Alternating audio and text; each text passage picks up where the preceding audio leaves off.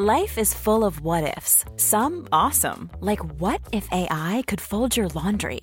And some, well, less awesome, like what if you have unexpected medical costs?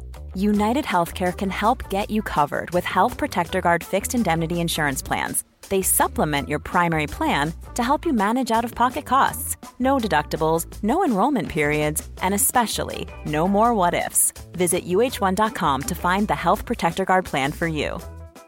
There's never been a faster or easier way to start your weight loss journey than with PlushCare. PlushCare accepts most insurance plans and gives you online access to board-certified physicians who can prescribe FDA-approved weight loss medications like Wigovi and Zepbound for those who qualify. Take charge of your health and speak with a board-certified physician about a weight loss plan that's right for you. Get started today at plushcare.com slash weight loss. That's plushcare.com slash weight loss. plushcare.com slash weight loss. Hey there, it's Michelle Norris. I'm host of a podcast called Your Mama's Kitchen. When I travel, I'm usually looking for a way to find a taste of home when I'm not at home. And one of the things I love to do when I am at home is entertain. And Airbnb allows me to do that. When I was in California recently, I rented a house that had a great kitchen. And when we were sitting around the table, we we're all thinking, we're in someone else's house. Someone could be in all of our homes as well. If you have a home, but you're not always at home, you have an Airbnb. Your home might be worth more than you think. Find out how much at airbnb.com/slash host.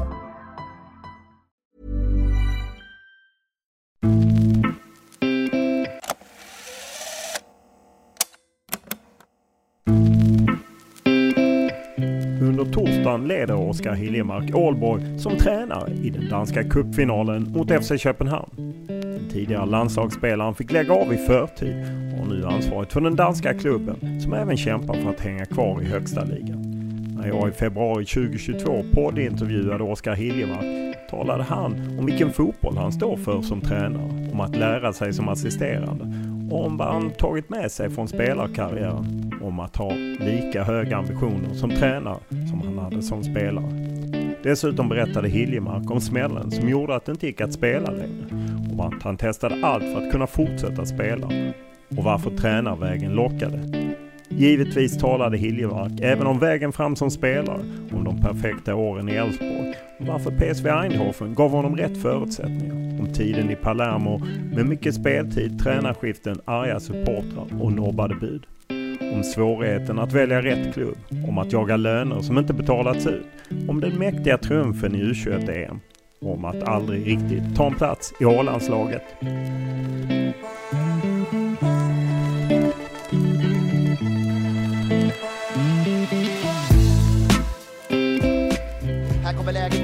Hiljemark. Engvall, Hiljemark. Hiljemark i mål! Oskar Hiljemark gör 4-3! Oskar Hiljemark! Så gött! Så underbart! Det är en lagkapten som visar vägen på Örjansvall. Och 3-1 till Grekland! Och 3-1 får vi information om utan pling i era ruta. Kom igen nu, hem med hela laget! Och så kommer ett mål på slutet. Oskar Hiljemark, kolla viljan här. Och matchen över.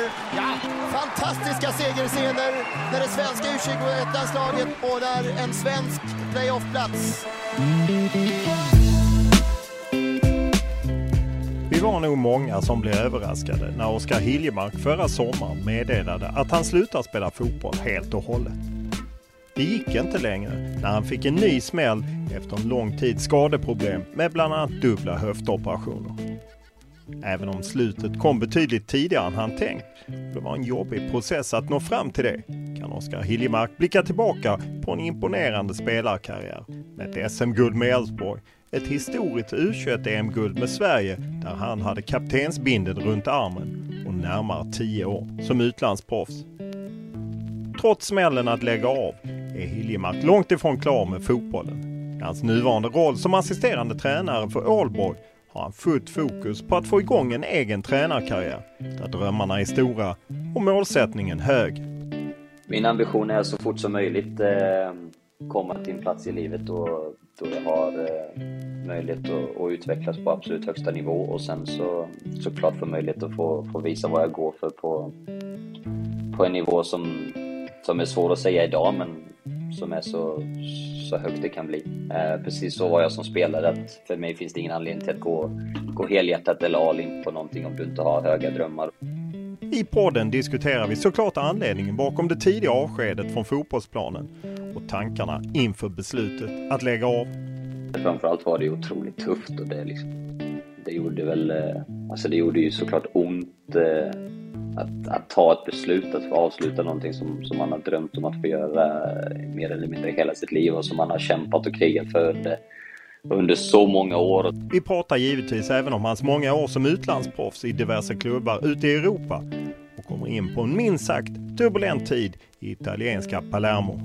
Så när det började väl gå, gå lite dåligt för, för laget så, så slöt väl inte fansen upp riktigt utan det var snarare tvärtom så att det blev väl ganska det blev ju ganska hektiskt och, och såklart en chock för, för mig och Elin som kom från en tillvaro där man aldrig upplevde något sånt till att helt plötsligt så, så var det liksom fans som gjorde att man inte kunde åka hem från träningsanläggningen eller fans som, som var så pass hotfulla efter matcher att vi, vi som lag och, och familjer var tvungna att lämna liksom, Sicilien men podden är såklart mycket mer än så här. Vi pratar om tankarna kring att han aldrig riktigt tog en gjuten plats i A-landslagets startelva. Om tiden i Elfsborg där han lärde sig mycket. Om det historiska EM-guldet med U21-landslaget. Om känslan kring att Palermo tackade nej till bud från större klubbar. Om den fortsatta jakten på att få ut alla pengar han tjänat från olika klubbar i Europa.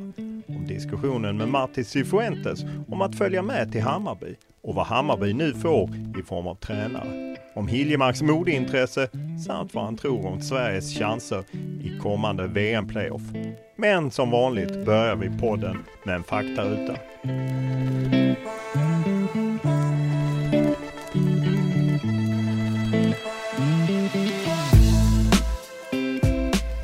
Ålder? Eh, 29. Bor? Eh, Ålborg. Familj? Eh, fru och en eh, son. Utbildning? Eh, ja, vad har jag? Jag gick ut gymnasiet på en samhällelig idrottslinje. Lön? Eh, helt okej. Okay. Vad kör du? Jag kör en eh, Audi. Vad läser du? Just nu läser jag en, eh, vad ska man säga, personal management-bok om eh, vissa studier som, som de har gjort på Harvard. Vad tittar du på? Eh, mestadels fotboll. Vad lyssnar du på? Eh, blandat, men eh, en del eh, R&B skulle jag säga. Vad spelar du på? Ingenting faktiskt.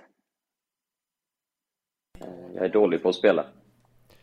Vilken skulle du klassa som den största upplevelse du haft i fotbollssammanhang? Eh, jag skulle väl säga att få representera Sverige i ett, ett VM får nog klassas som det största. Du har ju vunnit en del. Vad klassar du som den främsta meriten du har från fotbollens värld? Oj. Um, men det var otroligt stort att få lyfta uh, U21-bucklan. Uh, det måste jag säga. Vem är den bästa spelare du mött? Uh, Cristiano Ronaldo. Vem är den bästa spelare du spelat med? Zlatan. Vilken tröja är du glad att du bytt till dig under karriären? Eh, jag fick faktiskt Francesco Tottis eh, sista tröja som eh, han avslutade karriären i på Stadio Olimpico. Så, att, så den är väl, väl värd att ha hemma. Vilken regel vill du ändra på i fotboll? Jag tror jag som alla andra hade väl kanske önskat lite mer tydlighet i, i handsregeln. Vem var din idol när du var barn? Steven Gerrard. Vilket är ditt favoritlag och varför? Jag har faktiskt inget favoritlag. Vid vilka tillfällen ljuger du? Eh, aldrig skulle jag säga. Som eh, alla fotbollsproffs har du säkert köpt på dig en del grejer. Vilket köp ångrar du? Eh, jag köpte en vinterjacka en gång som, eh, som inte blev ett jättebra köp. Vilken är din favoritfilm? Eh, Gladiator. När var du riktigt lycklig senast? Det är jag nog mestadels varje dag faktiskt. När grät du senast? Eh, när jag avslutade, när jag tog beslutet att avsluta karriären i somras.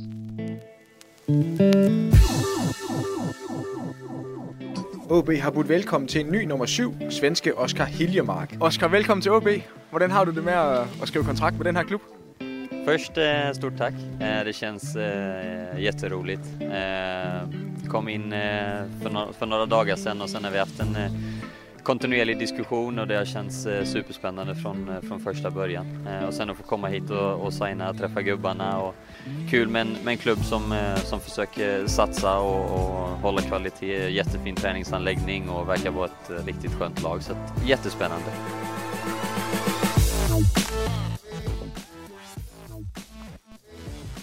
När vi pratas vid så är det fredag eftermiddag. Du har lagt eh, sista arbetet inför en träningsmatch i helgen som är spelad då när folk lyssnar på detta på måndag. Men vad är din roll nu i Ålborg som ju tappade sin tränare Martin Cifuentes till Hammarby?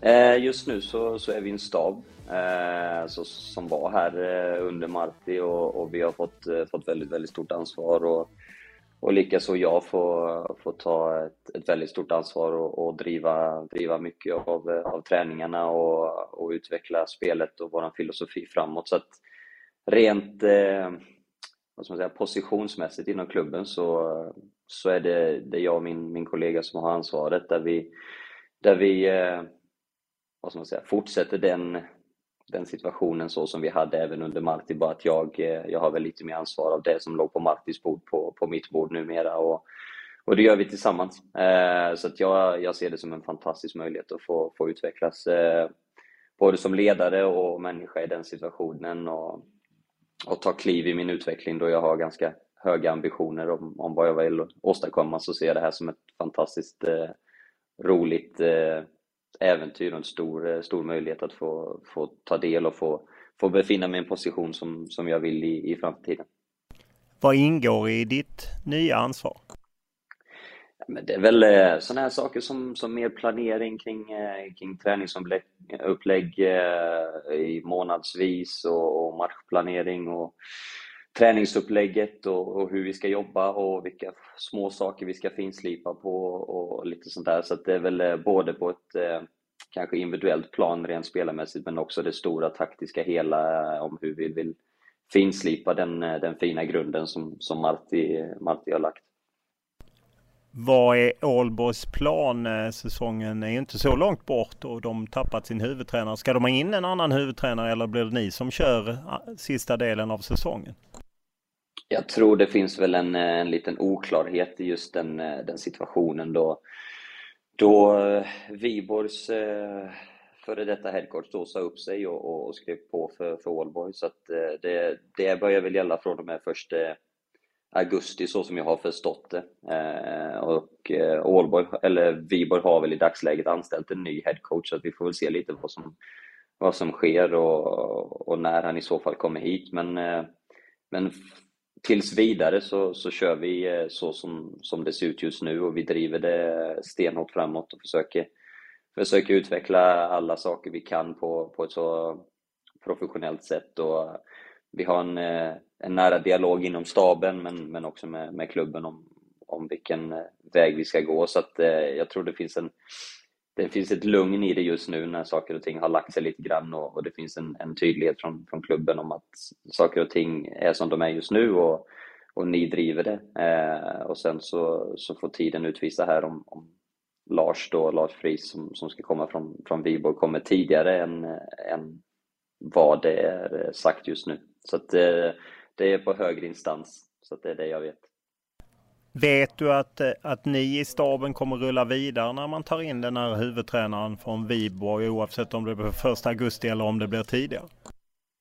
Ja, det är, väl, eh, det är väl den informationen vi har fått och den planen som ligger är att vi, vi ska fortsätta köra på så, så som vi gör nu och, och, att han ska komma in liksom och, och ta, över, eh, ta över huvudansvaret som, som headcoach men inga andra eh, liksom förändringar ska väl vara, vara någonting som, som vi vet om utan eh, vi gasar på och så får vi ta det som det kommer. Vi, vi alla är väl väldigt vana vid hur den här fotbollsvärlden fungerar och och jag känner mig väldigt trygg i, i den positionen jag är just nu så att det finns, det finns ingen stress och, och spelarna har fått information och, och, jobbat fantastiskt bra här sista, sista veckorna så att eh, det är med tillförsikt vi ser fram emot att, att ligan ska börja.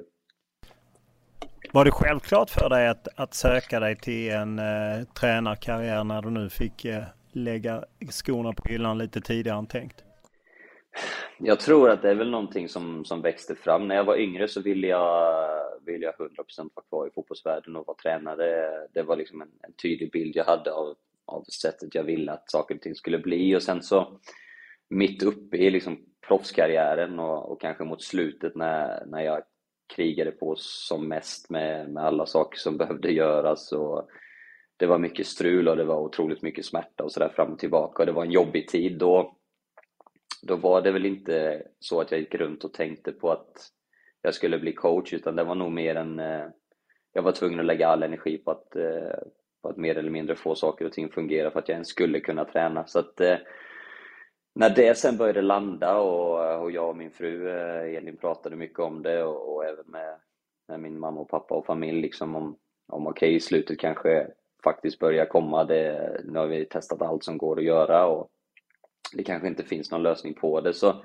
så började man väl fundera och diskutera och för mig var det en väldigt solklar liksom, väg att gå eh, om fallet var att jag inte kunde fortsätta vara, vara professionell fotbollsspelare. Och så som jag känner idag och så som eh, saker och ting har utvecklats så är jag otroligt glad att jag tog beslutet att, eh, att det fick vara nog som spelare och möjligheten att få gå över och vara tränare eh, bland, bland de bästa besluten jag har tagit och någonting som, som jag älskar. Eh, jag kliver upp varje dag och tycker att det är otroligt roligt och utvecklande och jag ser bara liksom positiva möjligheter och jag har en enorm drivkraft. Så att det, eh, det var en tydlighet från början och sen så var det väl lite luddigt där under, under slutet av karriären men sen nu känns det så självklart som, som det kan kännas. Du har ju gått eh, utbildning och gör kanske fortfarande på förbundet, eh, fotbollsförbundet tränarutbildning. Hur är det och vad plockar man upp där? Men jag tror att, ehm, eh, att man alla, alla vi som går den och alla som går liksom olika utbildningar kommer från olika ställen och olika vardagssituationer. Och för mig har det varit, eh, varit utvecklande att få träffa liksom människor som som jag kanske gör mestadels i, i min position, som är lite äldre, som har lite mer erfarenhet av, av livet och som kommer med olika perspektiv på saker och ting. Att kunna liksom suga åt mig så mycket av all information som jag kan och, och ta det som jag gillar och, och det jag kanske inte är helt överens med, det, det får man liksom försöka se med på, på andra ögon och är det någonting jag kan lägga till i min egna repertoar eller någonting jag inte ska använda? Och, så för mig har det varit lärorikt att, att få kanske lite mer praktiska och liksom redskap i vardagen att få kunna jobba med i, i stresshantering kanske eller hur man ska kunna försöka ha en hållbar karriär och vad som är viktigt och hur saker och ting ska fungera men också det här med att få diskutera med duktiga utbildare och människor som har varit i, i fotbollsvärlden eh, längre än vad jag har varit och som har upplevt saker som, som man kan ta till sig så att eh, det ser jag bara som positivt. Ibland när man talar med spelare och man frågar är ni intresserade av tränare? Nej herregud, eh, spelare är ju lugnt jämfört med tränare. När jag kommer till träning står tränarens bil där och när jag åker är han kvar. Och det tar ofta mycket längre tid. Hur är den omställningen från dig från att ha varit spelare och haft det lite lugnare än en tränare som, det är väl ett jobb som nästan aldrig tar slut. Man kan hela tiden göra mer och mer och mer.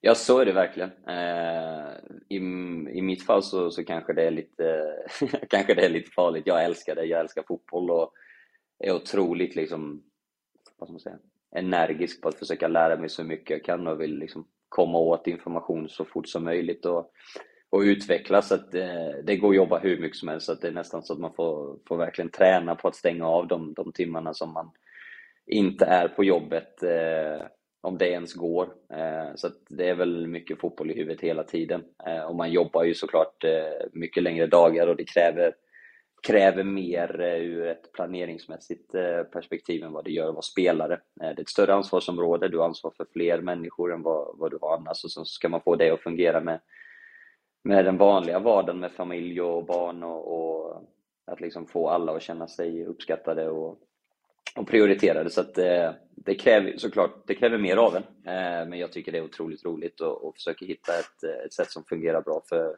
för mig och, och min familj och, och jobbet. Vad vill du spela för fotboll? Jag, eh, jag gillar väl en... Eh, jag har en ganska tydlig vision av vad jag tycker är, är ett sätt som jag vill spela på. Det är väl att, eh, att vara ett, ett kontrollerande fotbollslag, att försöka vara ett lag som styr matcher och, och ha en tydlig, tydlig identitet i saker och ting vi vill göra saker på. Eh, gillar att ha bollen, men det är inte nödvändighet för att liksom kunna uträtta de sakerna vi vill ha. Jag, jag tycker det är viktigt att så som fotbollsvärlden har utvecklats med all form av eh, data och statistik som finns, att kunna dra nytta av det och se på, på sätt eh, man kan utveckla sin, sin, vad ska man säga, sin fotbollsvision på. Eh, vad är det som faktiskt genererar målchanser? Eh, vilka ytor är det man vill komma åt? Och försöka vara så effektiv och, eh, och underhållande på samma gång i sättet att spela på, att komma till, till mycket avslut, att, att ha ett eh, aggressivt och högt försvarsspel om, om det passar för matchen. Så att ett, eh, gärna ett kontrollerande och, och, styrande fotbollslag som, som har en vision om att, eh, att dominera matcher, eh, både med och utan boll. Ursäkta. Du har ju under karriären haft ett gäng tränare. Vad är det för förebilder du tar med dig eller möjligtvis egenskaper från vissa tränare som du tar med dig? Det ska jag dra nytta av och... och... Ja, men jag tror man, ehm, i alla fall vad jag har försökt att göra, det är väl att eh, liksom, alla tränare man har, har, eh, har ju såklart både positiva och, och negativa, negativa sidor, precis som, som alla människor har. Eh, så för mig har det varit viktigt att, att försöka se båda sakerna och se vad som vad passar mig som människa? Vilken typ av människa är jag? Eh, vilken typ av fotboll vill jag gärna spela? Vilken typ av eh, coach, eh, coaching style tycker jag om? jag har haft fantastiskt duktiga fotbollstränare i Alltså Cocu och Roberto De Serbi och, och de som rent fotbollsmässigt ner på detaljnivå har liksom varit otroligt givande och sen så har jag haft fantastiskt bra ledare i, i när jag har liksom kommit upp genom ungdomsåren med liksom de förbundskaptenerna man haft och, och fått uppleva det. Och så för mig har det varit viktigt att mm, rent fotbollsmässigt kanske det var lite turbulent under, under några år i karriären med mycket tränarbyte men så här i efterhand så, så kan jag verkligen se tillbaka på den tiden nu och känna att okej, okay, jag lärde mig mycket och jag lärde mig att alla människor är olika och sättet man kommunicerar på är viktigt. Och jag har försökt lära mig så mycket jag kan av så många som möjligt eh, och ta med mig det. Vilka eh, dåliga egenskaper vill du inte ta efter? Men jag tror att eh, vi går väl mer och mer mot en, eh, alltså mot en, en värld där man, eh, där folk är mer, eh, vad ska man säga, kanske mer eh, vad ska man säga utan att det blir eh, fel, men folk vill, vill ha en förklaring till varför vi gör saker. Det ska finnas ett syfte, det ska finnas en, en mening med saker och ting. Så ett, ett sätt att, att, att kommunicera på som, som ska ge en tydlighet till, eh, till alla individer. Att kunna vara duktig på, på det liksom man-man personliga, att kunna coacha personer både i, i lagform men också kunna ha en relation som, som bygger på, på respekt och tillit men där gränsen ska vara tydlig de gångerna man behöver sätta ner foten. Så det är väl sådana bitar om att försöka jag kommer alltid försöka vara Oscar eh, och den personen jag är och vad jag, hur, sättet jag gillar att bli bemött på och sen så försöka väva in det så att man försöker nå ut till så många människor som möjligt i, i grupp. Vem är den bästa tränare du haft om du tittar tillbaka? Ja, eh, jag tror vi, jag personligen upplevde en otroligt eh, stor utveckling och, och personlig framgång under, under KQ i PSV. Och, um, har många saker som jag tar med mig därifrån och mm, som sagt ganska, ganska mycket av det här rent hur man coachar man-man men också i grupp. Så att jag skulle väl säga Filip eh, på det sättet. Du har ju upplevt det i Palermo eh, där man bytte tränare mycket och jag menar i hela världen så är det ju så att det är ett mindre tålamod med tränare. Det ser vi ju även i Sverige och Danmark och så. Hur, hur ser du på att gå in på ett, liksom en yrkeskarriär där det är så himla lätt att, att bli av med jobbet? Ja, men jag är ganska lugn inför den biten. Jag menar, vi alla vet att det är liksom, ska man in i den här världen så ska man vara med i leken, får man leken tåla och det, det är så det fungerar. Eh, möjligheten man får som, som jag tycker är otroligt spännande är att få kunna liksom komma in eh, i ett rum eller i en klubb med, med en mellan 18 och 22 spelare kanske och, och en stab uppe på det och, och försöka implementera sin fotbollsfilosofi och försöka nå ut till människor och få, få bygga nya relationer och få, få utmana sig själv och, och försöka få en grupp att fungera och dra åt samma håll. Och sen ibland kommer det lyckas och ibland kommer det inte lyckas. Så det är så det är. Det, det är svårt att säga vad som, vad som är rätt sätt och vad som är fel sätt i fotboll. Eh, jag tror man måste ha en tydlig vision och man måste tro på det man gör och sen så för varje gång det går bra så måste man göra en ordentlig självrannsakan och för varje gång det går dåligt så måste man kanske vara ännu tuffare i sin självrannsakan och ta med sig de sakerna som man, man behöver titta på, behöver skruva lite på och behöver lära sig av. Du sa i, i början att du hade höga ambitioner med din eh, tränarkarriär. Vad innebär de mer konkret? Vad är det du vill? Men, eh, som du sa innan så, så fick jag ju avsluta min karriär kanske i, i förtid mot vad, vad många andra gör och mot, mot vad min eh, dröm och ambition var när jag, när jag började spela. Eh, men istället, så som jag är som människa, så istället för att sitta och tycka det var jobbigt så, så försöker jag vända det här och, och jag måste säga att jag älskar tränaryrket. Jag tycker det är otroligt kul och otroligt givande. Och istället då försöka utnyttja att, att jag har ett fantastiskt driv och viljan att utvecklas och förhoppningsvis eh, kan vara tydlig med att jag har fått med mig en, eh, en stor erfarenhet från, från en, eh, en karriär som, som jag är stolt över, men kunna tillsammans med, med de bitarna, tillsammans med min personlighet och, och mitt sätt att se på, på andra människor, kanske kunna nå ut tidigt och, och istället utnyttja att jag, har, att jag kommer in tidigt på tränaryrket. Så att, eh, min ambition är så fort som möjligt eh, komma till en plats i livet då, då jag har eh, möjlighet att, att, utvecklas på absolut högsta nivå och sen så såklart få möjlighet att få, få visa vad jag går för på, på en nivå som, som är svår att säga idag men som är så, så högt det kan bli. Eh, precis så var jag som spelare, att för mig finns det ingen anledning till att gå, gå helhjärtat eller all in på någonting om du inte har höga drömmar och det har jag om, om, om min tränarkarriär också. Så att eh, jag är ödmjuk inför uppgiften, eh, men jag är verkligen eh, högst målmedveten om att, om att eh, lyckas så snabbt jag kan. Så att eh, jag ser det här som en fin eh, möjlighet att få, få liksom få stå eh, stå på en plats just nu med ett, eh, med ett superliga-lag och, och få träna och få hålla i de bitarna som, som jag får göra och se det som en utveckling eh, fram tills den dagen eh, Lars kom. Så att, eh, det ser jag verkligen positivt på. Hur sugen är du på att komma till Allsvenskan och, och ta ett lag där?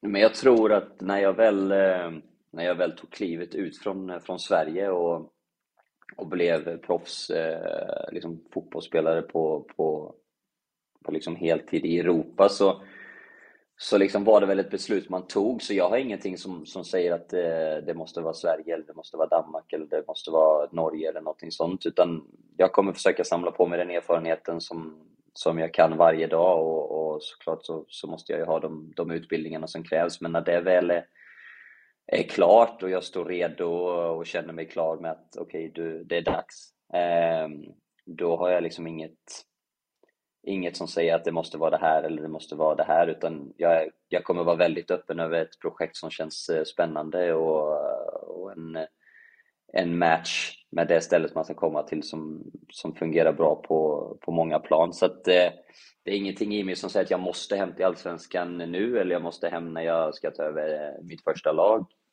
Eh, men det finns heller ingenting som, som säger att jag inte vill det eller inte kommer det, utan den platsen som känns som bäst, bäst kliv att ta för, för rent vad man säga, prestationsmässigt med min, min fotbollsfilosofi och min filosofi på hur man ser på, på människor och lag och allt det där, det, det beslutet kommer jag ta då.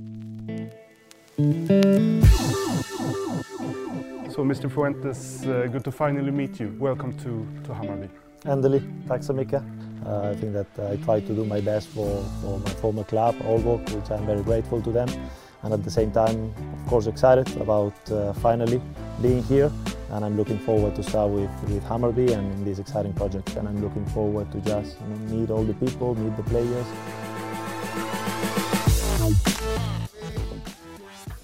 Du är en av dem som svenskar som kanske har bäst koll på Marti Cifuentes i, i det här läget eftersom du jobbat så nyligen med honom. Vad är det Hammarby får?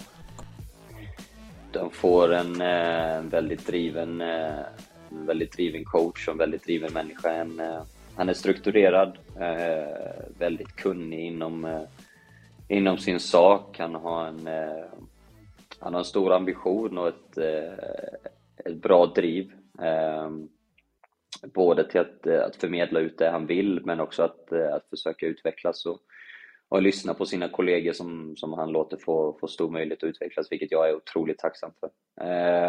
han är fotbollskunnig och, och väldigt tydlig i sina, sin filosofi att det det här sättet han vill spela fotboll på.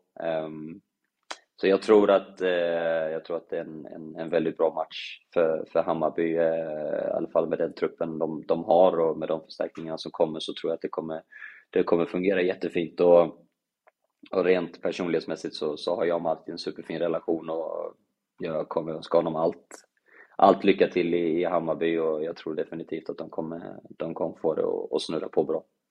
Var det aktuellt för dig att följa med?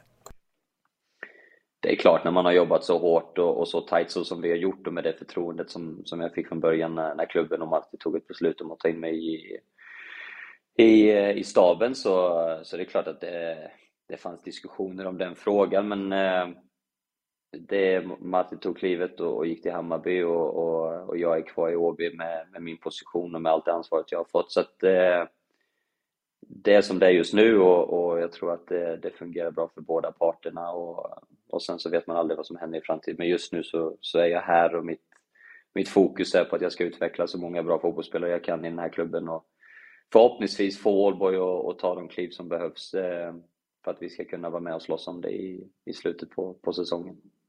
Ja, han känner ju till allsvenskan lite men jag utgår från att han ändå bollade med dig liksom när Hammarby var på. Hur upplevde du jakten och, och vad sa du till honom om Hammarby? Ja, men jag vet att det fanns ett, äh, ursäkta, ett, äh, ett ganska stort intresse för Marti så. Vi, vi hade gjort det otroligt bra under den här sex månadersperioden och, och fått saker och ting att snurra på på ett fint sätt. Så det fanns intresse och, och vi bollade en hel del och, och pratade om situationen. Och, och det, i min mening så, så jag är såklart ny i gamet om att vara coach, men eh, jag har varit i, i den här fotbollsvärlden ganska länge, så det är många bitar som ska vävas in innan man, liksom, man, man bryter upp och, och tar ett kliv och flyttar på en hel familj och börjar om på nytt. Så vi pratade om mycket, eh, både fotbollsmässigt och sportsligt, men, men också liksom rent, rent socialt och, och alla de bitarna. Så det, eh, det var ju såklart en eh, från det att det tog fart så var det klart att det var, var intensivt för, för båda parter. Och det är så det är i den här världen. Jag tror att alla som, som har varit här ett tag, de vet hur det fungerar och inte minst du. Eh, så att eh, när saker väl börjar ta fart så kan det gå väldigt snabbt och det, det gjorde det väl här också. Om vi backar till i, i juni 2021 så kom ju, ja, när eh, många av dem du hade spelat med höll på att ladda upp inför ett EM som väntade så du som hade varit en del av det landslaget meddelade att du slutade. Hur, hur svårt var det att komma fram till det beslutet? Så det var både och. Det var otroligt, eh, framförallt var det otroligt tufft och det, liksom, det gjorde väl, eh, alltså det gjorde ju såklart ont att, att ta ett beslut, att få avsluta någonting som, som man har drömt om att få göra mer eller mindre hela sitt liv och som man har kämpat och krigat för under under så många år och så målmedvetet jobbat för att liksom få saker och ting fungera. Så att hela processen med att väl ta beslutet var väl eh, var jobbig. Eh, men att liksom när jag väl kom fram till det där, eh, för jag funderade inte på det särskilt länge egentligen, utan jag var så pass fokuserad på att det skulle fungera och jag skulle få det att funka och vi testade allt och jag har gjort, tror jag, det finns inte någonting som jag kan sitta och säga i efterhand och säga att nej men jag har inte testat det utan och när jag väl var liksom bara klar med den processen med att ha testat allt så kom det som en naturlig del i att det, liksom, det går inte längre. Jag kan inte, det, det, jag kan inte på ett fysiskt sätt få det att fungera och spela fotboll på, på den nivån jag vill och då, då ger det inte mening för mig utan då är det, mer, eh, då är det mycket mer värt att få, få ta alla de positiva bitarna som jag har fått med mig under min karriär och istället få gå all in på att försöka ge det till, till andra fotbollsspelare som, som fortfarande kan utöva, ut, liksom utöva fotboll på den nivån som, som jag själv var och som jag, som jag vill, eh, ville till. Eh, så att det var otroligt tufft och det gjorde ont och det var många liksom, diskussioner och det var såklart en hel del tårar. Men själva processen gick ganska snabbt när, vi, när jag väl liksom, när säsongen var över eh, efter sista matchen mot, eh, mot AGF där eh, i, i den sista playoff-matchen. Efter det så, så var det en process som var liksom, nej men det här, det går ju liksom inte. Jag kan inte fortsätta. jag kan inte utöva det på den nivån jag vill och då, då är det bättre att, vi, då är det bättre att ta ett beslut som, som gör att jag fortfarande kan vara kvar i fotbollsvärlden med, med liksom ett, ett glatt humör och en positiv inställning till livet. Vad var det konkret som eh, eh, var fel och hur kändes det för dig att spela fotboll med det felet? Uh, nej men jag jag har ju som, som inte är någon hemlighet, jag gjorde ju två operationer eh, i båda höfterna. En i, eh, i PSV eh, 2014 tror jag, september 2014. Kom tillbaka precis innan EM-slutspelet med, med U21 eh, och spelade det och det gick ju som, som det gick, vilket var fantastiskt för alla. Eh, och sen så hade jag några år som det funkade hur bra som helst och sen så gick det in i en eh, ganska brant eh, liksom brant slutning ner i smärta igen och, och, i slutet där så spelade jag på, på mycket sprutor och, och, mycket piller i Italien och till slut så tog vi ett beslut om att det var dags att operera igen och då opererade jag båda höfterna igen. Um, och sen efter det så, så var det en lång rehabperiod men jag fick fart på det igen liksom och kroppen fungerade på, på ett bra sätt. Uh, under min tid i, i Ryssland och även försäsongen i Italien innan jag gick till Ryssland så funkade det bra. Eh, och sen så kom jag till Ålborg med en förhoppning om att okej, okay, men det här kommer liksom bli ett bra, bra steg och jag kommer få vara delaktig i ett projekt som, som jag tyckte var spännande men förhoppningsvis en satsning på att vi skulle kunna vara med och slåss om det. Och jag spelade de första fem eller sex matcherna tror jag. Eh, och sen så eh, kom jag i en duell med, med Nordsjällands målvakt och eh, och eh, slog till mitt, eh, mitt knä så att eh, det blev som en blödning uppe i höftskålen så det började blöda in i benet liksom som ett bone bruise. Och efter det sen så, så fick jag aldrig det att fungera igen. Det var konstanta smärtor och, och liksom vilosmärta och jag kunde inte riktigt ha en fungerande vardag och, och få saker och ting att fungera med varken med att kunna gå ut med med Elin eller hunden eller eh, leka med Navy eller ens träna fotboll för den biten heller. Så vi testade allt med injektioner och det var rehab och det var piller och alla möjliga saker. Eh, men det var väl där mer eller mindre det tog slut och sen så, så försökte jag under de, det var väl nästan åtta månader, sju, åtta månader som jag försökte komma tillbaka och, och spelade någon 15 minuters här vi på, på smärtstillande och någon 20 minuters här på någon spruta liksom. Men till slut så gick det inte. Jag, jag tränade knappt ingenting under den perioden och då, då var det ganska naturligt att, att lägga av. Liksom. Är det något du har medfött någon liksom i, i höften som gör att all fotbollsspelande och träning, att det gör att det blir omöjligt? Eller vet man var det kommer ifrån från början? Jag tror inte man vet riktigt var det kommer ifrån så sätt. Den skadan som gjorde att, att jag var tvungen att sluta, den, eh, den hade enligt alla specialister kunnat ske vem som helst. Sen att jag hade en historik med, med två, liksom, med dubbelsidig höftoperation två gånger, det, det är spelare som har gjort det innan och fått det att fungera. Och det gjorde jag också under, under några års tid. Men till slut så, så, så slet det väl ut liksom med, med så pass hård belastning under så pass lång tid. Och, och sen när den här sista liksom, vad ska man säga, hårda smällen kom och det blev något annat som gick sönder så, så var det omöjligt att fortsätta. Så att, jag tror inte man vet riktigt var det kommer ifrån men, eh, men jag fick det att fungera under ganska många år tid på, på en, en, ändå en ganska hög nivå. Så, att, eh, så jag är otroligt lycklig och glad över att jag fick, fick vara professionell fotbollsspelare på den nivån jag fick under så många år och fick uppleva allt jag fick uppleva och, och ändå kunna liksom ta med mig alla de erfarenheterna. Hur funkar det? Jag menar, du har ju ett långt kontrakt. Är, är du försäkrad eller försvinner all ersättning omedelbart när man blir skadad på det sättet? Nej, men det är nog olika från land till land och sådär. Men just nu så, eh, från den dagen som, som jag valde att bli, bli coach, så, så skrev jag om alla kontrakt och jag sitter inte på något spelarkontrakt längre utan jag var väldigt tydlig och, och, klar med klubben att ska jag bli tränare så vill jag bli tränare fullt ut och, och då måste vi ha, då ska det vara liksom på riktigt. Så att, deras eh, tydlighet från början var, var precis så som min. Så att eh, det kontraktet jag hade, det, det rev vi. Och det var det. Eh, och sen skrev vi ett, ett tränarkontrakt som, som jag har nu fram till sommaren 2024. Eh, så att det var, för mig var det väldigt viktigt att det skulle liksom, ska vi göra det här, ska vi göra det på riktigt och, och ni ska tro på den här processen. De föreslog det, men för mig var det viktigt att, att de hade den visionen jag hade om att vi gör det på, på, liksom på riktigt. Så, att, eh, så det är så det ser ut.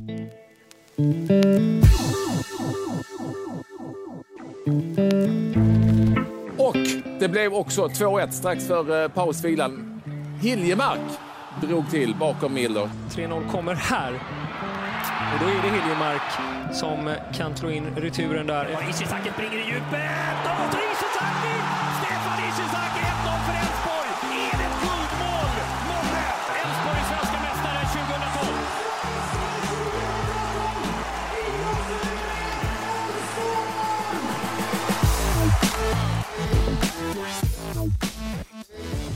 Eh, om man går tillbaka en bit i tiden så är du ju från Gislaved men kom igång eh, eh ordentligt i Elfsborg där du bland annat vann SM-guld och så. Hur var åren i, i Borås för dig? Fantastiska. Eh, jag har mer eller mindre bara gott att säga om, om alla de, de åren.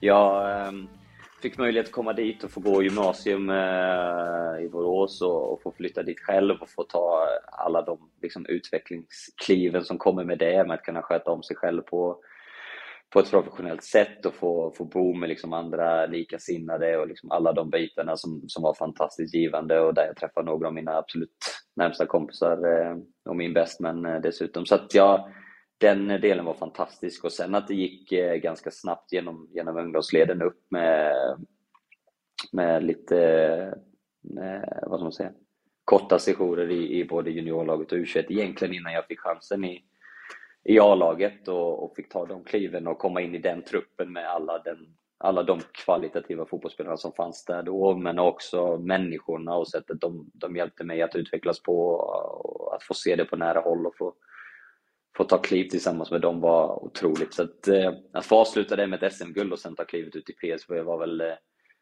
var väl lite cherry on top. Liksom. Att det, var, det var fantastiskt. Fanns det någon tanke att gå ut tidigare eller kände du att du ville avvakta lite med att gå ut i Europa?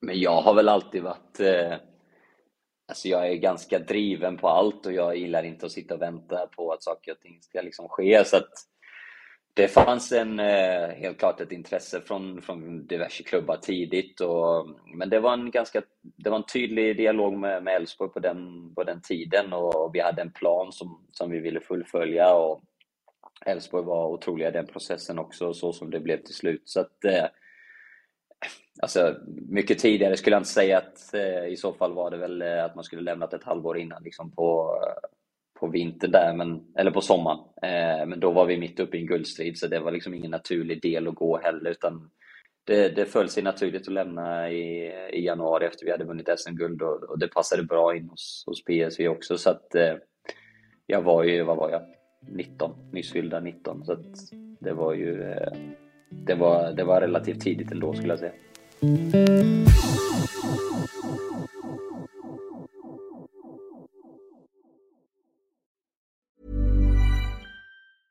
Everyone knows therapy is great for solving problems, but getting therapy has its own problems too, like finding the right therapist, fitting into their schedule, and of course, the cost. Well, BetterHelp can solve those problems. It's totally online and built around your schedule. It's surprisingly affordable too. Connect with a credentialed therapist by phone, video, or online chat, all from the comfort of your home. Visit betterhelp.com to learn more and save 10% on your first month. That's BetterHelp H E L P. Hey there, it's Michelle Norris. I'm host of a podcast called Your Mama's Kitchen. When I travel, I'm usually looking for a way to find a taste of home when I'm not at home. And one of the things I love to do when I am at home is entertain. And Airbnb allows me to do that. When I was in California recently, I rented a house that had a great kitchen. And when we were sitting around the table, we we're all thinking, we're in someone else's house. Someone could be in all of our homes as well. If you have a home, but you're not always at home, you have an Airbnb. Your home might be worth more than you think. Find out how much at airbnb.com slash host. Here's a cool fact a crocodile can't stick out its tongue. Another cool fact you can get short term health insurance for a month or just under a year in some states. United Healthcare short term insurance plans are designed for people who are between jobs, coming off their parents' plan, or turning a side hustle into a full time gig. Underwritten by Golden Rule Insurance Company, they offer flexible, budget friendly coverage with access to a nationwide network of doctors and hospitals. Get more cool facts about United Healthcare short term plans at uh1.com.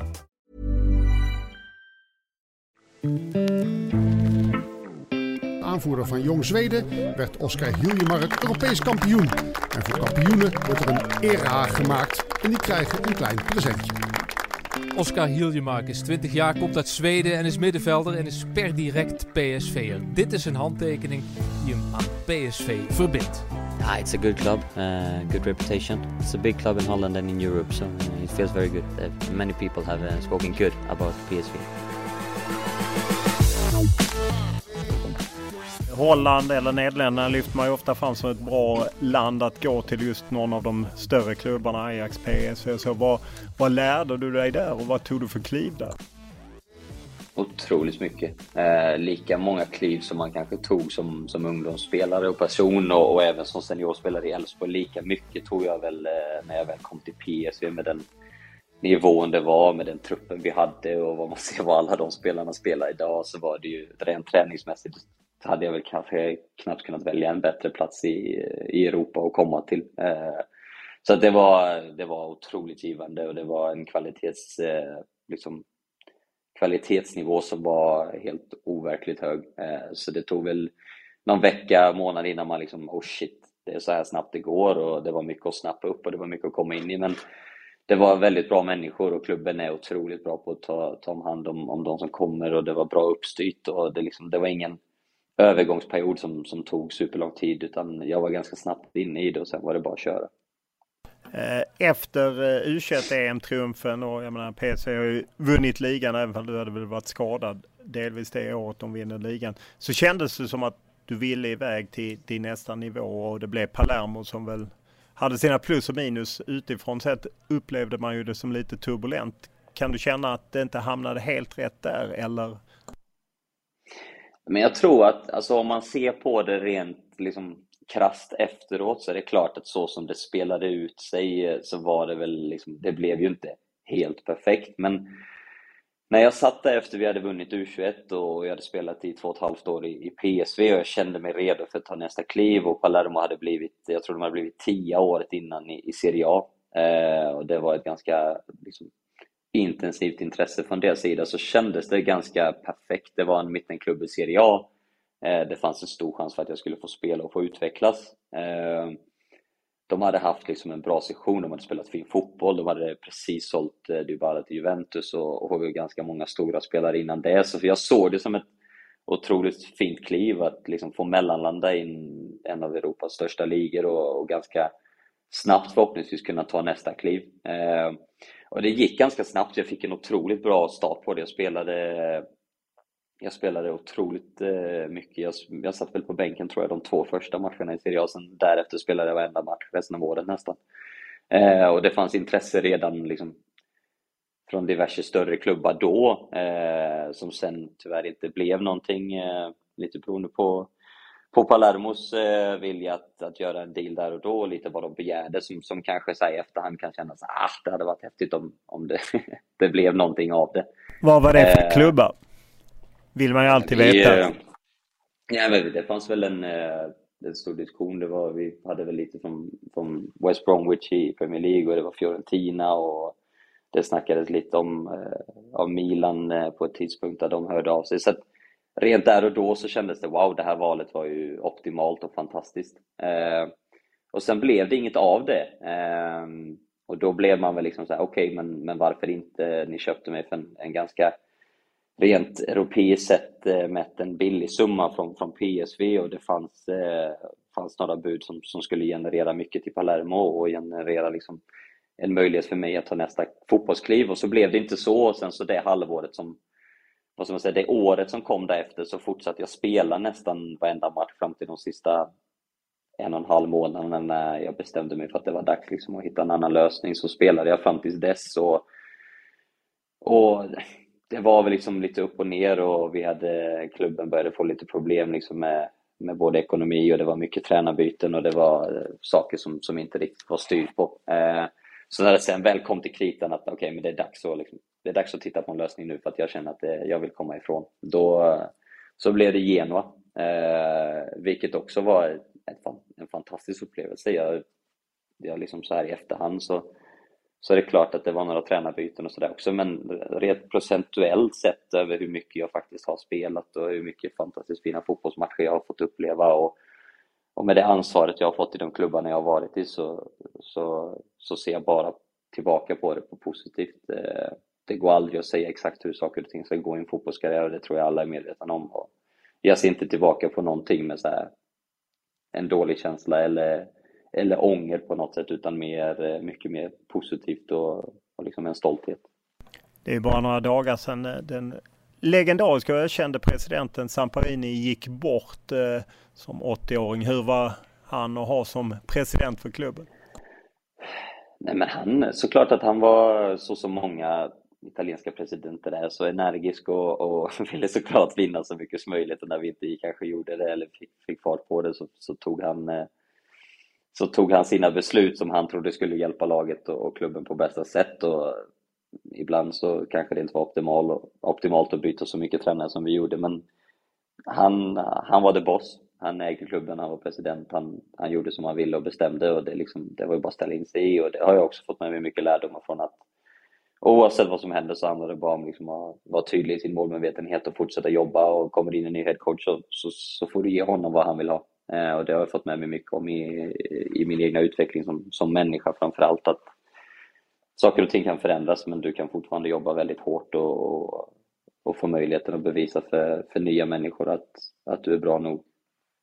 Vad jag förstår var det också en tid när det inte gick så bra för Palermo. Mycket hotellboende när ni skulle in. Det, vad är det, det heter? Ritorno eller något liknande. Retiro. Och, Retiro och även eh, att liksom supportrarna inte var att leka med så din tjej fick åka därifrån eller nuvarande fru. Hur, hur var det?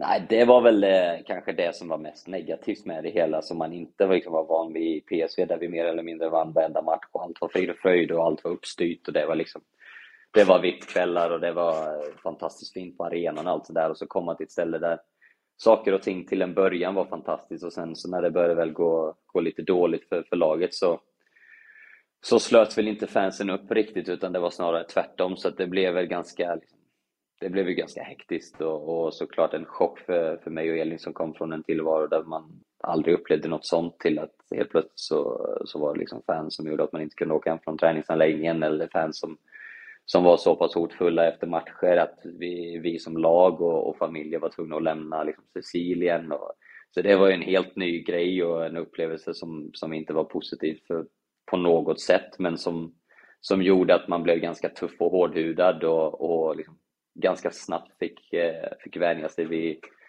okej, okay, men så här kanske det är här och det, det, måste vi liksom bara ta oss igenom och eh, det är så det är. Eh, så att eh, för mig och Elin på, vi var väl vi var ju inte vi var ganska nya i gamet som par också och så få flytta utomlands till Sicilien och sen så kom det här ganska snabbt därpå. Så för oss som, som par men, men också som liksom enskilda individer så var det en ganska tuff utveckling som vi behövde göra där och då för att saker och ting skulle fungera både mellan oss men, men också på ett personligt plan. Så att, eh, det gjorde oss väldigt starka i, i slutändan men där och då var det väl inte jätte, jätteroligt får väl vara ärlig och säga.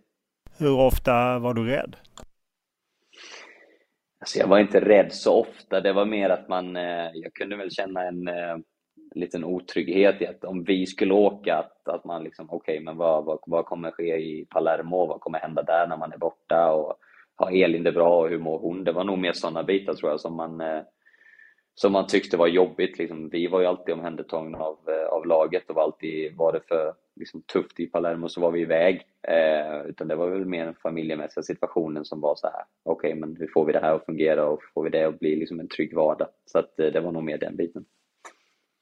Var, kunde man gå ut på stan och så eller höll man sig hemma när, det var, när man hade förlorat? Ah, det var väl någon gång som, som jag fick vända på väg ut till att vi skulle ta någon kaffe i, i stan som, som det kom fram lite folk. Det var väl eh, några sådana incidenter under de åren där man fick vända och gå tillbaka och sätta sig i bilen och åka hem igen. Så att, eh, det är saker man kan se tillbaka på nu och, och skratta lite grann och säga att oh shit, vilken, uh, vilken, vilken resa det var. Uh, Men det blev aldrig något fysiskt utan det var mer bara hotfullt? Ja, exakt. Nej, det har aldrig varit några problem rent. Jag sa att om folk har fysiskt gjort något, någonting som, som har skadat utan det är mer det, det psykologiska som man, man fick titta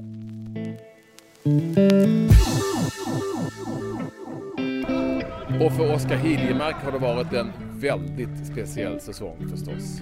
Inte bara ett, två, tre eller fyra tränarbyten, utan åtta stycken under en och samma säsong. Man försöker vända det till, till något positivt och lärorikt mycket olika taktiker så att eh, jag har väl eh, spelat varenda taktik som går. Så att, eh... Σέντρα, γκολ από τον Χίλιεμαρκ η μπάλα πηγαίνει στα δίκτυα. Sen är det ju Genoa lån och sen Genoa köper dig eller tar över dig och det är lån Panathinaikos, Dynamo Moskva. Hur är det att gå på lån som spelare? Men jag tror att eh, i Italien så tror jag det är väldigt, väldigt vanligt. Jag, jag gick till Genoa med en obligatorisk köpoption. Så det var liksom ett lånet, det, var, det är nog mer så man, man gör det i Italien. Jag tror det är väldigt, väldigt många som gör det så. Så att när jag gick dit så visste jag att jag skulle vara där eh, under min kontraktsperiod och jag blev värvad av, av klubben och av tränaren och hade ett bra snack. Och, spelade de flesta matcherna när jag kom där det halvåret och sen så, så kom jag tillbaka och fick en ny erfarenhet med, med en försäsong där, där jag helt plötsligt eh, fick en information om att vi vill att du tittar efter ett annat ställe och det var väl en chock där och då, liksom ingen förklaring. Jag hade spelat nästan alla matcher under, under första sex månaderna jag var där och sen så helt plötsligt så skulle man på lån. Så att vi tog ett, eh, ett lån till Panathinaikos eh, med, där det fanns lite andra svenskar och, och liksom få, få spela matcher och få behålla ett bra flow och, och, och det var en, också en fantastisk upplevelse. Eh, både rent socialt och få, få bo på ett, ett sånt ställe med, med de vännerna som vi ändå hade där som vi kände sedan tidigare och liksom hela den biten var otrolig. Men sen så, så kom det en ny tränare till Genoa som, som jag hade jobbat med innan som gärna ville ha tillbaka mig så det blev ju bara sex månader. Eh, så det var liksom in and out eh, lite grann och sen tillbaka till, till Genoa och sen var jag väl där i tre år tror jag. Eh, om jag inte har räknat helt fel. Där jag mer eller mindre var given under de tre åren. Eh, och sen så var jag tvungen att göra min operation i slutet och precis samma sak, samma visa där, att jag, jag kom tillbaka efter rehaben och, och körde en, en hel försäsong och sen när det var en och en halv vecka kvar eller någonting av, av transferfönstret så fick jag information av en ny sportchef och en ny tränare att jag skulle titta på något annat och, och det var väl, då var man väl lite mer van och liksom, då hade man väl då var man lite äldre i gamet så att det var liksom ingen chock utan okej okay, det är så ni vill ha det men just nu så, så är jag, trivs jag här och sen så till slut så, så hittade vi en bra lösning i, i Dynamo Moskva som, som var en otrolig upplevelse rent, eh, vad ska man säga, familjärt och, och personligt eh, och sen som så, såklart genererade en, en bra ekonomisk trygghet för, för framtiden. Så att eh, så som det blev så var det väl en win-win det också när man gör lite research så såg man att du hade någon twist med Panathinaikos om pengar och så. Har du fått ut alla pengar? Ibland känns det som att man i vissa klubbar funkar det inte alltid hundra. Nej, jag tror vi, vi sitter väl och jobbar på att få ut lite pengar lite här och var eh, från vissa ställen i Europa. Så att det, eh, det tar sin lilla tid, men det ska nog, eh, det ska nog lösa sig tids nog det också. Hur mycket pengar är det du är ut med? Eller som du inte har fått?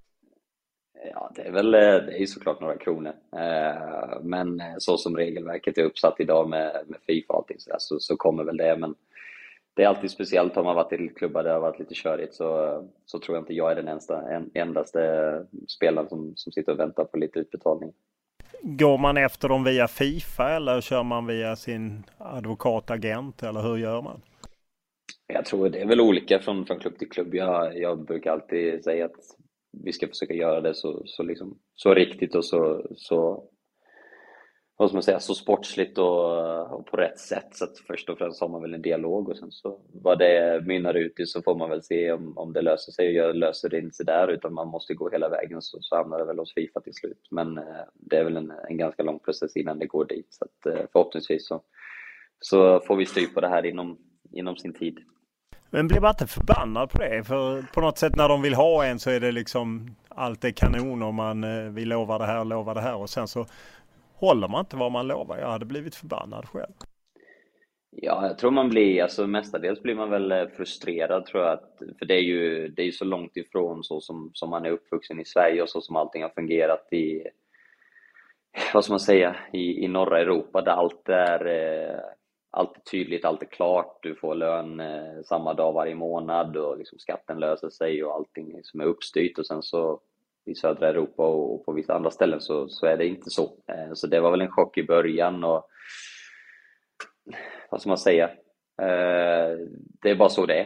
Eh, det är inte så att det är specifikt för mig eller specifikt för två andra spelare utan det är så alla har det i, i de klubbarna och i de ligorna. Och det är någonting som är liksom part of the deal. Eh, och sen så de flesta gångerna så löser det sig bra. Det är bara att man måste man får, jag lärde mig ganska snabbt i tiden i, i Palermo att man ska fokusera på det man kan fokusera på och det man kan påverka och det, det försöker jag göra även nu i efterhand. Utan jag har fantastiskt bra människor runt omkring mig som hjälper till med alla de bitarna som, som jag litar på. Som du sa här innan vi började intervjun att de som kan sin sak, de ska göra sin sak och det är så jag ser på saker och ting också. Eh, hur har du upplevt den här världen? Jag, jag tror att du har haft samma agent hela tiden. Eh, Stämmer ja, inte det? Karl Fager har du väl jobbat med? Eh, hur har du upplevt den här liksom fotbollsvärlden? Köpa, sälja, du har ändå bytt klubb ett antal gånger, lån och så. Hur, hur är det att komma ut som, i den världen som 19-åring? Jag tror det är en, eh, för det första så, så har jag Karl att tacka otroligt mycket för det är en fantastisk människa och en otroligt, eh, otroligt proffsig och bra agent, men också en av eh, mina närmsta vänner som jag, jag har haft med mig liksom genom eh, genom fotbollskarriären. Så jag har han att tacka för mycket och han har, han har alltid funnits där och, och gör ett fantastiskt jobb som, som vi fortsätter även idag, men också på ett, på ett socialt plan där vi, där vi inte, inte bara pratar fotboll utan vi, vi har en annan relation som, som jag är väldigt glad för. Eh, men jag tror, har man de människorna runt omkring sig med, med en trygghet och, och folk man verkligen kan lita på som, som du vet att du kan ringa som alltid finns där och alltid ställer upp så, så är det klart att den, det blir enklare att hantera det. Eh, men det är ju en tuff värld, det är ju inte en det är ju ingen skyddad verkstad på det sättet att, att folk tar hand om en och du är alltid prioriterad och du blir alltid behandlad på, på ett bra och på ett rättvist sätt. Utan det är ganska tufft och så kanske jag var i några klubbar som, som var ytterligheterna. Men eh, man, man måste vara ganska, jag tror man måste vara ganska trygg i sig själv och man måste vara ganska stark eh, i sin övertygelse om att det är det här man vill och man måste vara beredd att, att offra ganska mycket av sin, vad ska man säga, sin, eh, sin, eh, sin tid och, och, och liksom möjligheten att få veta vad saker och ting ska hända, den finns ju inte i, inte i alla fall i, kanske i södra Europa där saker och ting är alltid planerat och uppstyrt utan det är lite dag från dag, dag till dag och vecka, vecka till vecka liksom, och leva i nuet och prestera på plats och rätt som det är så är det en ny coach och då ska du liksom ställa in dig i led och prestera. Så det är tufft, eh, det är utvecklande, eh, man ska vara förberedd på det så, så gott man kan och man ska kanske hälsa och ha pratat med någon som har gjort det och verkligen försöka se det lite från worst case scenario innan man, man tar klivet. Det, det tror jag är positivt för då är man mer förberedd. Eh, din pappa började väl jobba för samma agentfirma vad betyder det och hur kom det sig? Ja, men lika, likadant där som, som om Karl. Ja, och jag har en otroligt eh, trygg, eh, vad ska man säga, trygg uppväxt i, eh, med mig i bagaget och en familj som har varit helt fantastiska på alla sätt och vis. Så är det fortfarande och där de verkligen har liksom backat upp och, och stöttat hela vägen men, men på ett bra sätt. Det har liksom alltid varit en, en bra dialog och det har varit en högt i tak och en öppenhet eh, och som gör att, att relationen när jag flyttade när jag var 15 med kanske min mamma och pappa blev mer liksom på ett, ett uppfostrande vis men relationen blev snabbt, eh, tror jag, väldigt liksom vital och viktig för mig på det sättet som där man pratar om stora saker och, och, viktiga beslut och man måste ta kliv som människa och utvecklas och, och mogna ganska snabbt och där har de varit helt otroliga. Um, och det är de fortfarande idag. Jag, jag pratar väl med dem nästan varje dag. Uh, och, och såklart att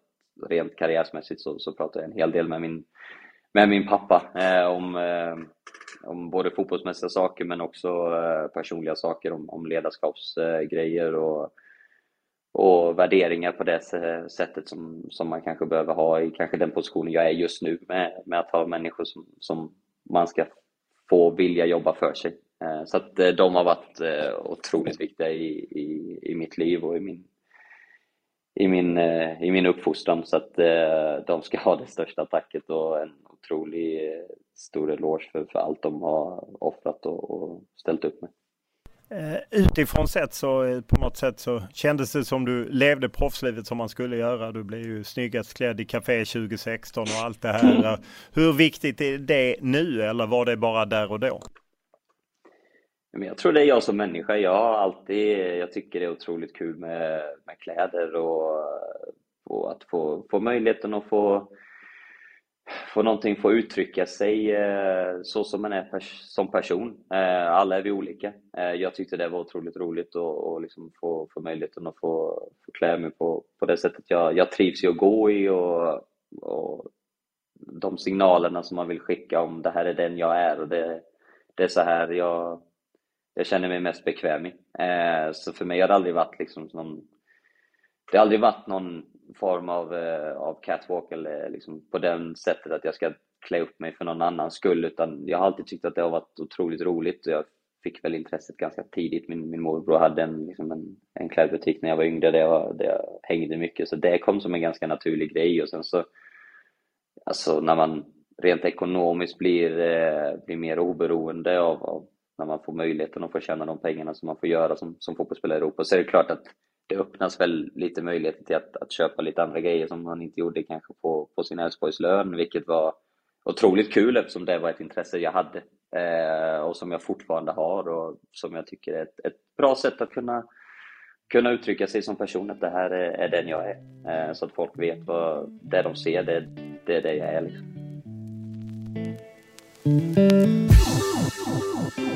Vilken saga det har varit och vilket slut det blev med EM-guld till Sverige.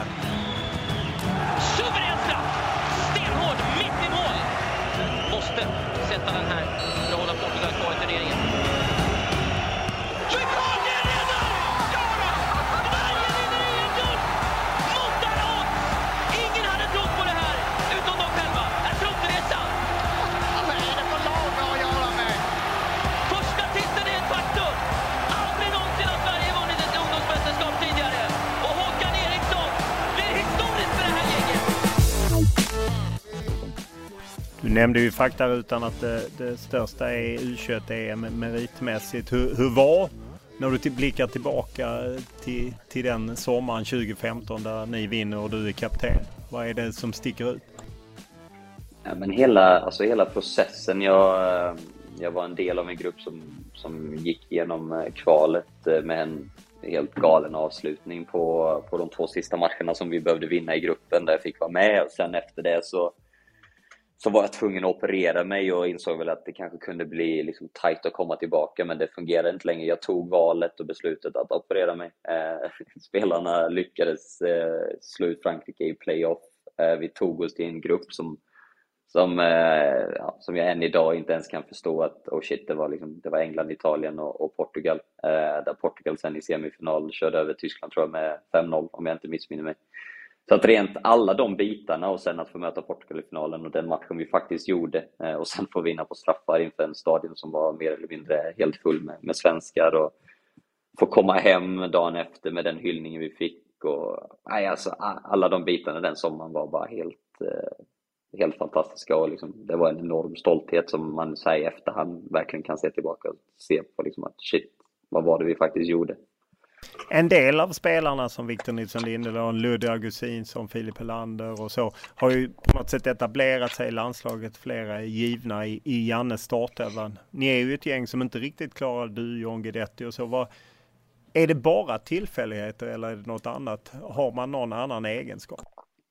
Nej, men så, alltså, i grund och botten så, så handlar det om att eh, alltså, det handlar ju såklart om kvalitet. Alltså, ingen av de, eh, de du nämnde där med liksom, varken Ludde eller eller Vigge som spelar i stora, stora europeiska klubbar eller, eller någon av de andra som var med med, med Filip eller liksom sådär.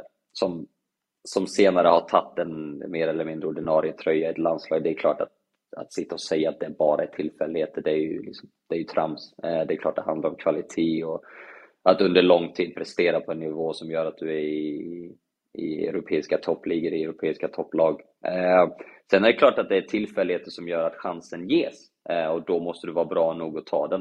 Eh, men jag tror inte jag kan sitta, och säga, liksom, sitta här och säga att vi var de som inte spelade ordinarie under Jannet eh, eller liksom Erik, att det är tillfälligheter att vi inte fick göra det. Det är klart att det fanns möjligheter, då hade man presterat på en ännu högre nivå just där och då, den stunden, så kanske man hade gjort det. Men det finns heller ingenting som säger att vi inte har levererat max de gångerna vi har fått chansen, men besluten har, har, har, liksom, har fallit på andra spelare. Så att det, i min värld så, över tid så är du bra nog under tillräckligt länge så, så får du alltid chansen att, spela den tiden du behöver. Och, och det beslutet är en förbundskaptens jobb att ta, och det tog Janne och, och, och, och Peter och, och Erik innan det.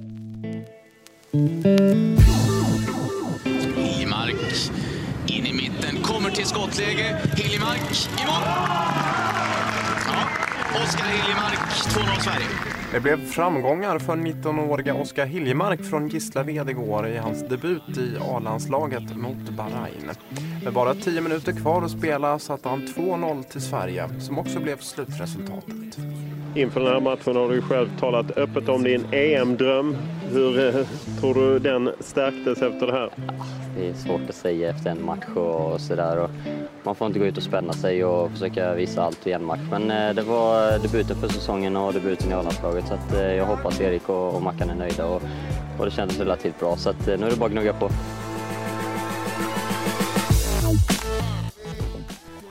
Det är ju ändå inte så länge sedan du, du var inne i landslaget. Det var ju november 2020, en träningslandskamp i Danmark. Så var ju du eh, specialinkallad med två danska spelare, eller två spelare som var i Danmark ytterligare. Eh, sen blev det ju inte mer. Men jag, jag minns ju när du var med i Qatar med Erik Hamrén. Jag tror jag skrev en krönika att du var så bra att man behövde solglasögon för framtiden var så ljus. Eh, Ja, det var snällt. det var det väl, men ja, det var ju för att jag tyckte så också. Och på något sätt, du var ju med i EM 2016, startade Jannes första landskamp 2016, men på något sätt tog aldrig riktigt den där platsen som många, vi var många som trodde och kanske hoppades på. Vad, hur ser du själv på det? Jag, jag har fått den frågan innan och ska jag vara, vara helt ärlig så tror jag det är så som, som resterande del av alltså, karriärsval och, och, och fotbollslivet är.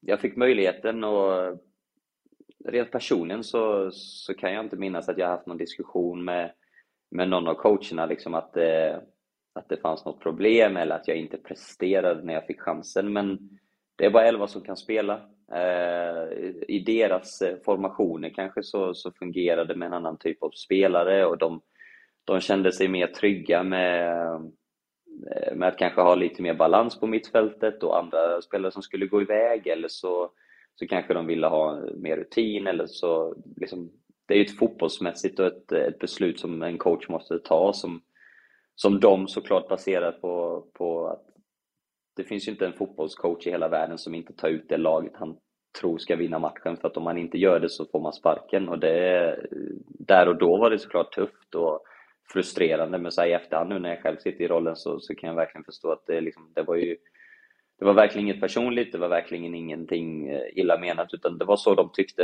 Eh, sen kan jag tycka det är hur tråkigt som helst att jag inte fick, eh, fick en större roll i de de landslagstrupperna man var med i och få, få möjlighet att få ta ännu mer plats och få, få uttrycka sig ännu mer och få representera Sverige som land under fler minuter på plan. Men det är så det är och varenda gång jag var där och varenda gång jag fick vara med så, så gav jag allt och det var det är bland det största man kan göra och den stoltheten man känner när man får representera Sverige är bara enorm. Så att eh, som där. Alltså när man reflekterar tillbaka på det så, så fick jag vara med och vinna U21 som kapten eh, och lyfta bucklan och jag fick vara med i ett EM och jag fick vara med i ett VM.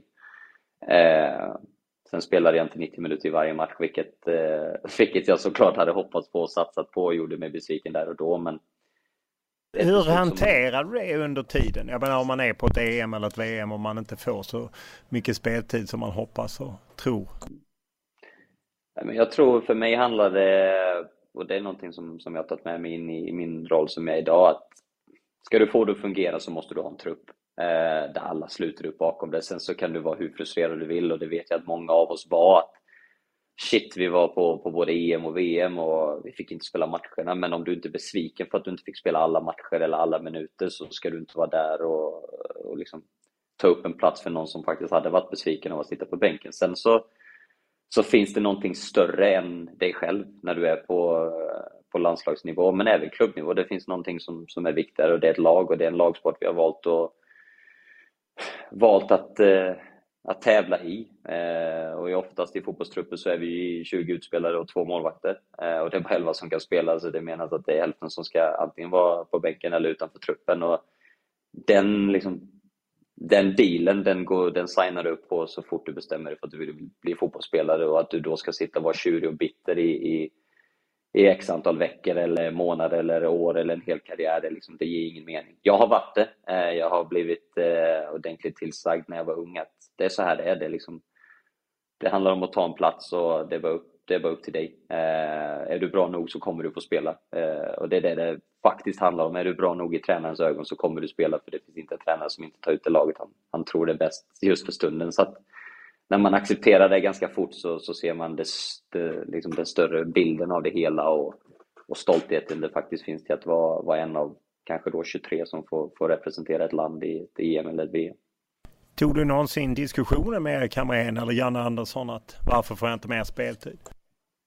Ja, så den diskussionen eh, tycker jag ska, vara, ska finnas där och den, eh, den var de aldrig liksom det fanns aldrig något problem med att komma och, och ifrågasätta beslut de hade tagit. Eh, och det sa jag även när jag var med i landslaget att eh, jag har full respekt för det. Eh, de tar beslutet och det tror jag till och med jag har sagt i någon intervju att eh, jag respekterar ett beslut. Sen så, så kan jag såklart tycka olika och det, det, ska jag väl tycka att jag, jag önskar att jag fick spela mer men i slutändan så, så är det de som är cheferna och de som bestämmer och man fick alltid en en förklaring. Eh, där och då som 21-åring eller 26-åring så kan man väl tycka att ah, var det verkligen det eller fanns det något annat? Men så här i efterhand så, så förstår, jag, förstår jag det precis. Eh, om du ser, eh, du hade ju bestämt dig för att lägga av då i somras när Sverige åkte iväg till EM. Hur var det att följa Sverige i ett mästerskap där du inte var med? Du var ju med faktiskt i truppen både 2016 och 2018 men nu då 2021 inte var med. Om du nu följde Sverige? Ja, alltså, att, att inte följa Sverige, liksom, det, det kommer aldrig ske. Utan för mig är det... Jag tror att eh, för mig var det en annan... Jag tror när man är, som, när man är spelare och man är i det och man, är, liksom, man konkurrerar med dem som, som spelar varje match eller spelar varje landskamp eller liksom man ser dem som konkurrenter, att han tog min plats, så är det... Varenda gång man inte är med så är det jobbigare. Eh, att liksom att titta på det och tänka shit, jag skulle ju varit med där. Eh, när jag väl hade tagit beslutet och, och valde att lägga av så, så, kunde man liksom på något sätt jag har gjort mitt, jag, jag är färdig, jag är done. Eh, jag kunde se på det liksom med de gamla små pojk, eh, pojkögonen liksom att shit, det här är landslaget och jag satt och njöt precis som, som alla andra alltid gör när man tittar på landslaget att det är liksom det är inte ett jobb längre utan det är bara ett nöje. Så att eh, jag tyckte faktiskt det var det var liksom speciellt och härligt men, men också liksom något som, som kändes skönt. Det väntar ett playoff nu, Tjeckien först och sen eventuellt då Ryssland eller Polen om man vinner mot Tjeckien. Vad tror du? Får vi se Sverige i Qatar-VM? Eh, jag hoppas verkligen det. Jag tycker att eh, jag tycker kanske att eh, rent spelarmaterialsmässigt och, och kvalitetsmässigt så, så, ser det kanske mer spännande ut än vad det har sett ut på, på väldigt lång tid. Vi har väldigt många duktiga fotbollsspelare som spelar i stora lag ute i Europa och som presterar på en väldigt hög nivå. Som, ja, jag ser verkligen fram emot det. Jag hoppas man kan få ihop det. Ehm, jag hoppas man kan få det att, eh, att liksom få ihop de här små pusselbitarna så att alla kan få ut sin fulla potential och prestera. Eh, och då tror jag Sverige har stora möjligheter att, att både gå igenom eh, playofferna och sen så prestera i ett VM också. Du som är aktiv i Danmark, hur kommer det sig att Danmark är bättre än Sverige som ju, jag menar de var sidade i första VM-gruppen, de gick till EM-semifinal och, och, så. Vad är, det, vad är det de har som inte Sverige har? Det är svårt att säga. Ja, Alltså rent, eh, rent ligamässigt så, så är det klart att eh, det görs ju mer affärer i, eh, i omlopp med större belopp som, som såklart genererar mer pengar ner i, i systemet. Eh, och från det sen att man, man kanske nu på, på senare år lyckas liksom ta fram eh, spelare som lyckas etablera sig i stora lag ute i Europa där de har en, en ganska galen trupp rent kvalitetsmässigt med spelare och sen så fått dit en coach som, som har fått ihop det och de är ganska flex, flexibla i sitt, eh, sitt sätt att spela och, och få det att fungera och det verkar vara en, en härlig, härlig grupp. Vi, våran eh, våran fysio här i, i klubben eh, till eh, han är head of, eh, head of physio i, i landslaget och liksom han, han är precis det man ser på TV, det, det är så gruppen är med liksom ett enormt driv och en glädje och de har kul ihop och det är en otroligt hög kvalitet på alla spelarna som kommer dit. Så att de har väl fått det att liksom fungera och de har fått det att börja snurra och en, en tränare som är enormt taktiskt eh, kunnig eh, som har lyckats eh, liksom få saker och ting att och fungera tillsammans. Det är ett fint samspel mellan, mellan alla spelare och, och ledare verkar det som. Och han är ju rätt ung, Kasper Jordman. Finns det i din tanke, i dina ambitioner att någon gång bli förbundskapten? Om jag, om jag får drömma så pass stort så, så är det klart att det hade varit en av de häftigaste saker man någonsin kan göra. Om man, om man ser det så att man har fått möjlighet att representera det som, som spelare så är det klart, varför ska man inte drömma att få, få göra det som tränare någon gång? Men eh, som jag sa i början av, av eh, podden liksom så, så har jag stor respekt och jag är väldigt ödmjuk inför uppgiften och alla de otroliga, otroligt duktiga tränare som finns där ute. Så att jag, jag är målmedveten, jag är driven och jag har stor tro på, på mig själv. Men jag är också ödmjuk inför uppgiften och, och ser att, eh, att man måste ta stora kliv och, och utvecklas på många plan eh, innan man är uppe och liksom nosar på de sakerna. Men jag ser på framtiden väldigt positivt och jag har eh, liksom en väldigt eh, positiv syn på, på både livet och, och på förhoppningsvis en, en, en tränarkarriär som, som ska ge mycket. Eh, Qatar-VM är ju något som diskuterats mer i Danmark än i Sverige och jag menar spelarna har klivit fram mer och även Kasper Jordman har klivit fram mycket mer än både Janne Andersson och svenska spelare. Är du förvånad att Sverige inte klivit fram mer eller ligger, är det skillnad mellan Sverige och Danmark på något sätt? Jag vet inte, det. Alltså, den där frågan tycker jag är precis som, som alla andra gånger som man diskuterar. Det finns ju eh, det är saker och ting som sker som, som jag tror att väldigt få av oss eh, vad ska man säga, stöttar eller tycker är rätt sätt. Eh, det beslutet som, som har tagits har tagits på, på högsta instans. Eh, det är av människor som som bestämmer. De har tagit det beslutet och sen så ska alla, liksom, alla federationer och klubbar och länder liksom mer eller mindre rättas in i det. Och det, är en känslig, det är alltid känsligt när, när politik blandas med, liksom, med idrott, för, för det är så det ser ut i, i dagens samhälle, att idrotten är ju en, liksom en, en, stark kraft och det är där man kan träffas och det är där man kan liksom sudda ut eh, olikheter och, och, och liksom komma och komma som den man är och man kan fortfarande uträtta enormt fina saker ihop. Så jag tycker det är jättesvårt. Eh, jag har liksom fullt förtroende på att, på att de som har de högsta positionerna i, i Sverige och på svensk fotboll eh, har en, en superfin plan och ett bra sätt att agera på, en riktlinje, riktlinjer som de, som, som de förhåller sig till. Så att det är verkligen inte min sak att, att sitta och orda om, utan alla gör det på, på sitt sätt som, som de tycker är rätt. Och det finns eh, högre uppsatta människor och människor med mer kunskap om, om den biten än mig som tar de besluten. Eh, och det är så det är. Eh, och det har jag full respekt för. Sen så, så tror jag vi allihopa tycker att, att saker och ting som, som har varit kring just VM och, och sättet det fungerar på i, i, den, i den delen av, av världen. Vissa delar där kanske inte är så som vi gör det hemma eller så som vi tycker är rätt. Men det är svårt att sitta och, och blanda in allt för mycket politik och, och sådana saker på där jag sitter idag om, om man ser på hur, hur stor liksom, kraft det ändå är som har tagit ett beslut om att förlägga ett VM där de har valt att förlägga det. Stort tack! Kul att du ville ställa upp. Eh, tack själv! Fantastiskt kul!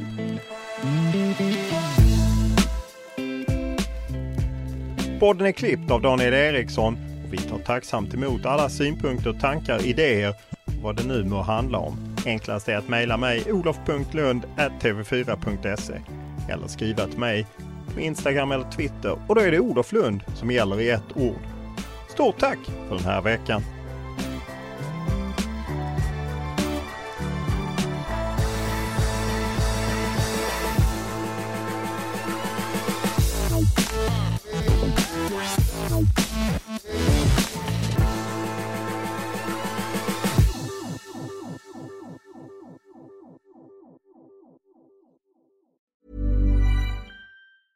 Mom deserves the best, and there's no better place to shop for Mother's Day than Whole Foods Market. They're your destination for unbeatable savings, from premium gifts to show-stopping flowers and irresistible desserts. Start by saving 33% with Prime on all body care and candles. Then get a 15-stem bunch of tulips for just $9.99 each with Prime. Round out Mom's menu with festive rosé, irresistible berry chantilly cake, and more special treats. Come celebrate Mother's Day at Whole Foods Market.